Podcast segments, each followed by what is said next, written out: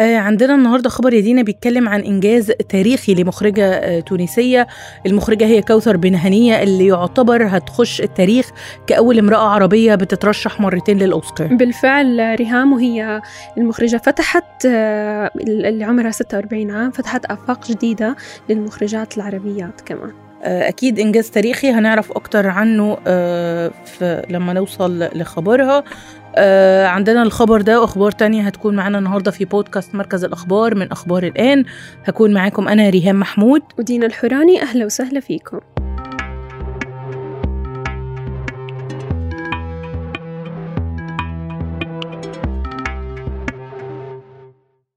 في أول أخبارنا النهاردة عندنا آه، من واشنطن العاهل الأردني بيدعو لوقف إطلاق النار بشكل مستدام وفوري في غزة.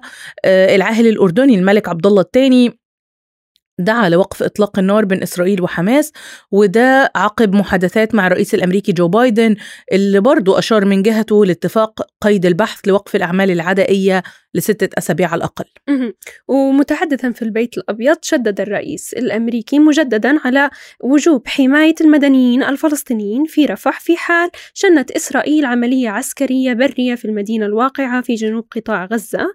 آه، من جهته قال الملك عبد الله الثاني نحن بحاجة إلى وقف إطلاق نار مستدام وفوري مضيفا إلى مضيفا أن أي هجوم بري إسرائيلي على مدينة رفح المكتظة والواقعة في جنوب قطاع غزة ستنتج عنه بالتأكيد كارثة إنسانية جديدة. وعلى غرار سائر الدول العربية يعني الأردن بيدعو لوقف الحرب بين إسرائيل وحماس في قطاع غزة آه، بينما الولايات المتحدة بترفض التحدث حاليا عن وقف الحرب وبتفضل طرح فكرة هدنة طويلة مع إطلاق سراح الرهائن اللي ما زالوا محتجزين آه، في غزة. واندلعت الحرب بين إسرائيل وحماس في 7 تشرين الأول 7 أكتوبر عندما شن مقاتلون من حماس من قطاع غزة آه، التي تسيطر الحركة عليها منذ عام 2007 هجوما على جنوب إسرائيل أدى إلى مقتل أكثر من 1160 شخص معظمهم من المدنيين بحسب تعداد أعدته وكالة فرانس آه، فرانس بريس آه، استنادا إلى أرقام إسرائيلية رسمية. وفي نفس الإطار تقريبا وعن أمريكا مفروض أن صوت مجلس الشيوخ الأمريكي لصالح المضي في حزمة مساعد في حزمة مساعدات لأوكرانيا وإسرائيل وتايوان بقيمة 95 مليار دولار.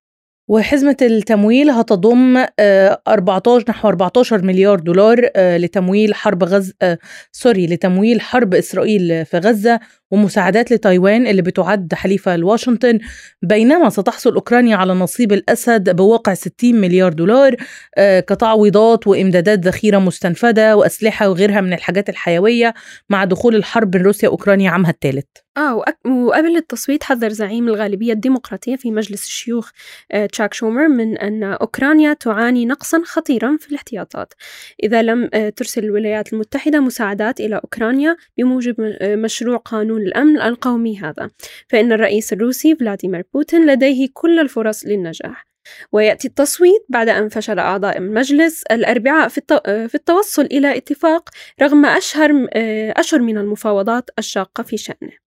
وتعجز الولايات المتحدة الداعم العسكري الرئيسي لأوكرانيا بأكثر من 110 مليارات دولار سبق أن وافق عليه الكونغرس من منذ أشهر عن إرسال أموال جديدة إلى كييف. وعندنا كمان إن فرنسا قدمت اقتراح مكتوب لبيروت بهدف إنهاء الأعمال القتالية مع إسرائيل والتوصل لتسويه بشأن الحدود المتنازع عليها بين لبنان وإسرائيل وده بحسب وثيقة طلعت عليها رويترز وكمان بتدعو المقاتلين بما في ذلك وحدة النخبة التابعة لحزب الله للانسحاب مسافة 10 كيلومتر من الحدود. آه، وتهدف الخطة إلى إنهاء القتال بين القتال بين حزب الله المدعوم من إيران وبين إسرائيل عبر الحدود. حيث يجري القصف المتبادل بالتوازي مع الحرب في غزة وأثار مخاوف آه، من حدوث مواجهة مدمرة وشاملة. وقال آه، أربع مسؤولين لبنانيين كبار وثلاثة, مس وثلاثة مسؤولين فرنسيين آه، أن الوزير أن وزير الخارجية الفرنسي آه، سلم الوثيقة الأسبوع الماضي لكبار المسؤولين في الدولة اللبنانية بمن فيهم رئيس الوزراء في حكومة تصريف الأعمال نجيب ميقاتي وهي أول اقتراح مكتوب يتم تقديمه إلى بيروت خلال أسابيع من الوساطة الغربية. آه، في الوقت ده برضو تم تداول بعض تفاصيل جهود الوساطة المماثلة اللي قام بها المبعوث الأمريكي للشرق الأوسط في الأسابيع الأخيرة إلا أنه لم يتم الإبلاغ من قبل عن التفاصيل الكاملة للاقتراح الفرنسي المكتوب اللي تم تسليمه للبنان. والخطة المكونة من ثلاث خطوات بتنص على عملية خفض التصعيد مدتها 10 أيام هتنتهي بمفاوضات الحدود وقال مصدر دبلوماسي فرنسي إن الاقتراح طرح على حكومات إسرائيل ولبنان وحزب الله. وفرنسا بتربطها علاقات تاريخية مع لبنان وعندها 20 ألف مواطن في البلاد ونحو 800 جندي كجزء من قوة حفظ السلام التابعة للأمم المتحدة. والخطة كمان بتقترح أن توقف الجماعات المسلحة اللبنانية وإسرائيل العمليات العسكرية ضد بعضها البعض بما في ذلك الغارات الجوية الإسرائيلية في لبنان. وكمان ريهام تقترح الوثيقة أن تقوم الجماعات المسلحة اللبنانية بتفكيك جميع المباني والمنشآت القريبة من الحدود وسحب القوات القتالية بما في ذلك مقاتلي الرضوان من حزب الله والقدرات العسكرية مثل الأنظمة المضادة للدبابات على بعد عشرة كيلومترات على الأقل شمال الحدود.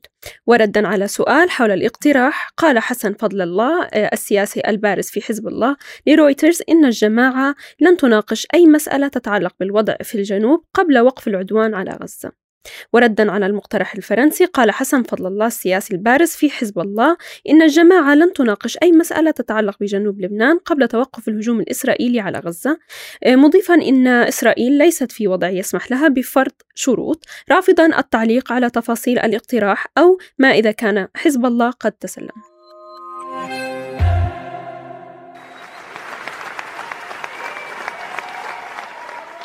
وفي آخر أخبارنا عندنا آه، خبر المخرجة التونسية اللي هتخش التاريخ كأول امرأة عربية بتترشح مرتين للأوسكار آه، ويعتبر المخرجة آه، كوثر بن هنية اللي هي عندها 46 سنة بتفتح آفاق جديدة للمخرجات العربيات بعد ترشيحها الثاني للجائزة خلال العقد. وده من خلال أحدث أفلامها الفيلم الوثائقي والخيالي Four uh, Daughters أو أربع بنات اللي تم ترشيحه لجائزة أفضل فيلم وثائقي طويل uh, في حفل توزيع جوائز الأوسكار اللي هيكون السنة دي. وفيلم بنات ألفة uh, مفروض إن هو بيصور قصة حقيقية كتبتها واخرجتها كوثر بن هنية وأنتجها حبيب عطية ونديم شيخ روحة وكان يعني من بطولة هند صبري. ويمزج الفيلم بين الدراما الروائية الوثائقية وتدور الأحداث حول قصة أثارت الرأي العام حدثت عام 2016 وبطلتها سيدة تونسية اسمها ألفا الحمروني ولديها أربعة بنات. وتقوم ابنتاها المراهقتان رحمة وغفران بالانضمام إلى القتال القتال في صفوف داعش في ليبيا وتتصاعد الأمور حتى يتم القبض على الفتاتين فتودعا السجن. ولأن القصة حقيقية استعرضت المخرجة بن هنية معاناة العيلة بسبب النوع ده من التطرف وتداعيات الأمر آه، واتطرقت كمان لظروف شديدة القهر اللي عانتها ألفة وعائلتها من فقر ووضع اجتماعي متدني. آه، قد يكونوا هم أحد أسباب وقوع رحمة وغفران في مستنقع الإرهاب والتطرف وهروبهم لليبيا وانضمامهم لداعش. وحمل الفيلم كثيرا من الانفتاح في بعض مشاه... مشاهده... مشاهده على لسان ألفة وبناتها وأوضحت كوثر في تصريحات سابقة تلك النقطة بقولها. بعضهم يفهم بصورة خاطئة أن بنات ألفة كانوا في الأساس متحفظات وإني وضعت بعض الانفتاح في الحوار وهذا غير حقيقي. فالبنات لم يكن لم يكن منغلقات بل على العكس كنا عازفات في الفرقة النحاسية ويسافرن كثيرا ويحببن الروك وكان كان هناك تداخل في العائلة. ودي المرة الأولى اللي بتفوز فيها مخرجة عربية بترشيحين لجوائز الأوسكار بعد فوز فيلم آه، الرجل الذي باع جلده بجائزة أفضل فيلم روائي عالمي في حفل توزيع جوائز 2021 ومن بين المخرجات العربيات الأخريات اللي حصلوا على ترشيحات لجوائز الأوسكار المخرجة الفلسطينية فرح النابلسي اللي تم ترشيح فيلمها الحاضر آه، برضه في عام 2021 في فئة أفضل فيلم قصير والمخرجة اللبنانية نادين لبكي اللي آه، رشحت لجائزة أفضل فيلم روائي عالمي آه، في عام 2019 عن فيلمها الثالث كفر نحوم.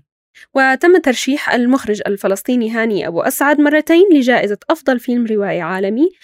حصل فيلم الجنة الآن على هذا الشرف في عام 2006 وفعل عمر الشيء نفسه في عام 2014 أتوقع بقى عندنا يعني حضور يحترم في الأوسكار يعني لسه ما بقاش كبير وإن شاء الله نأمل إنه يبقى كبير قريبا.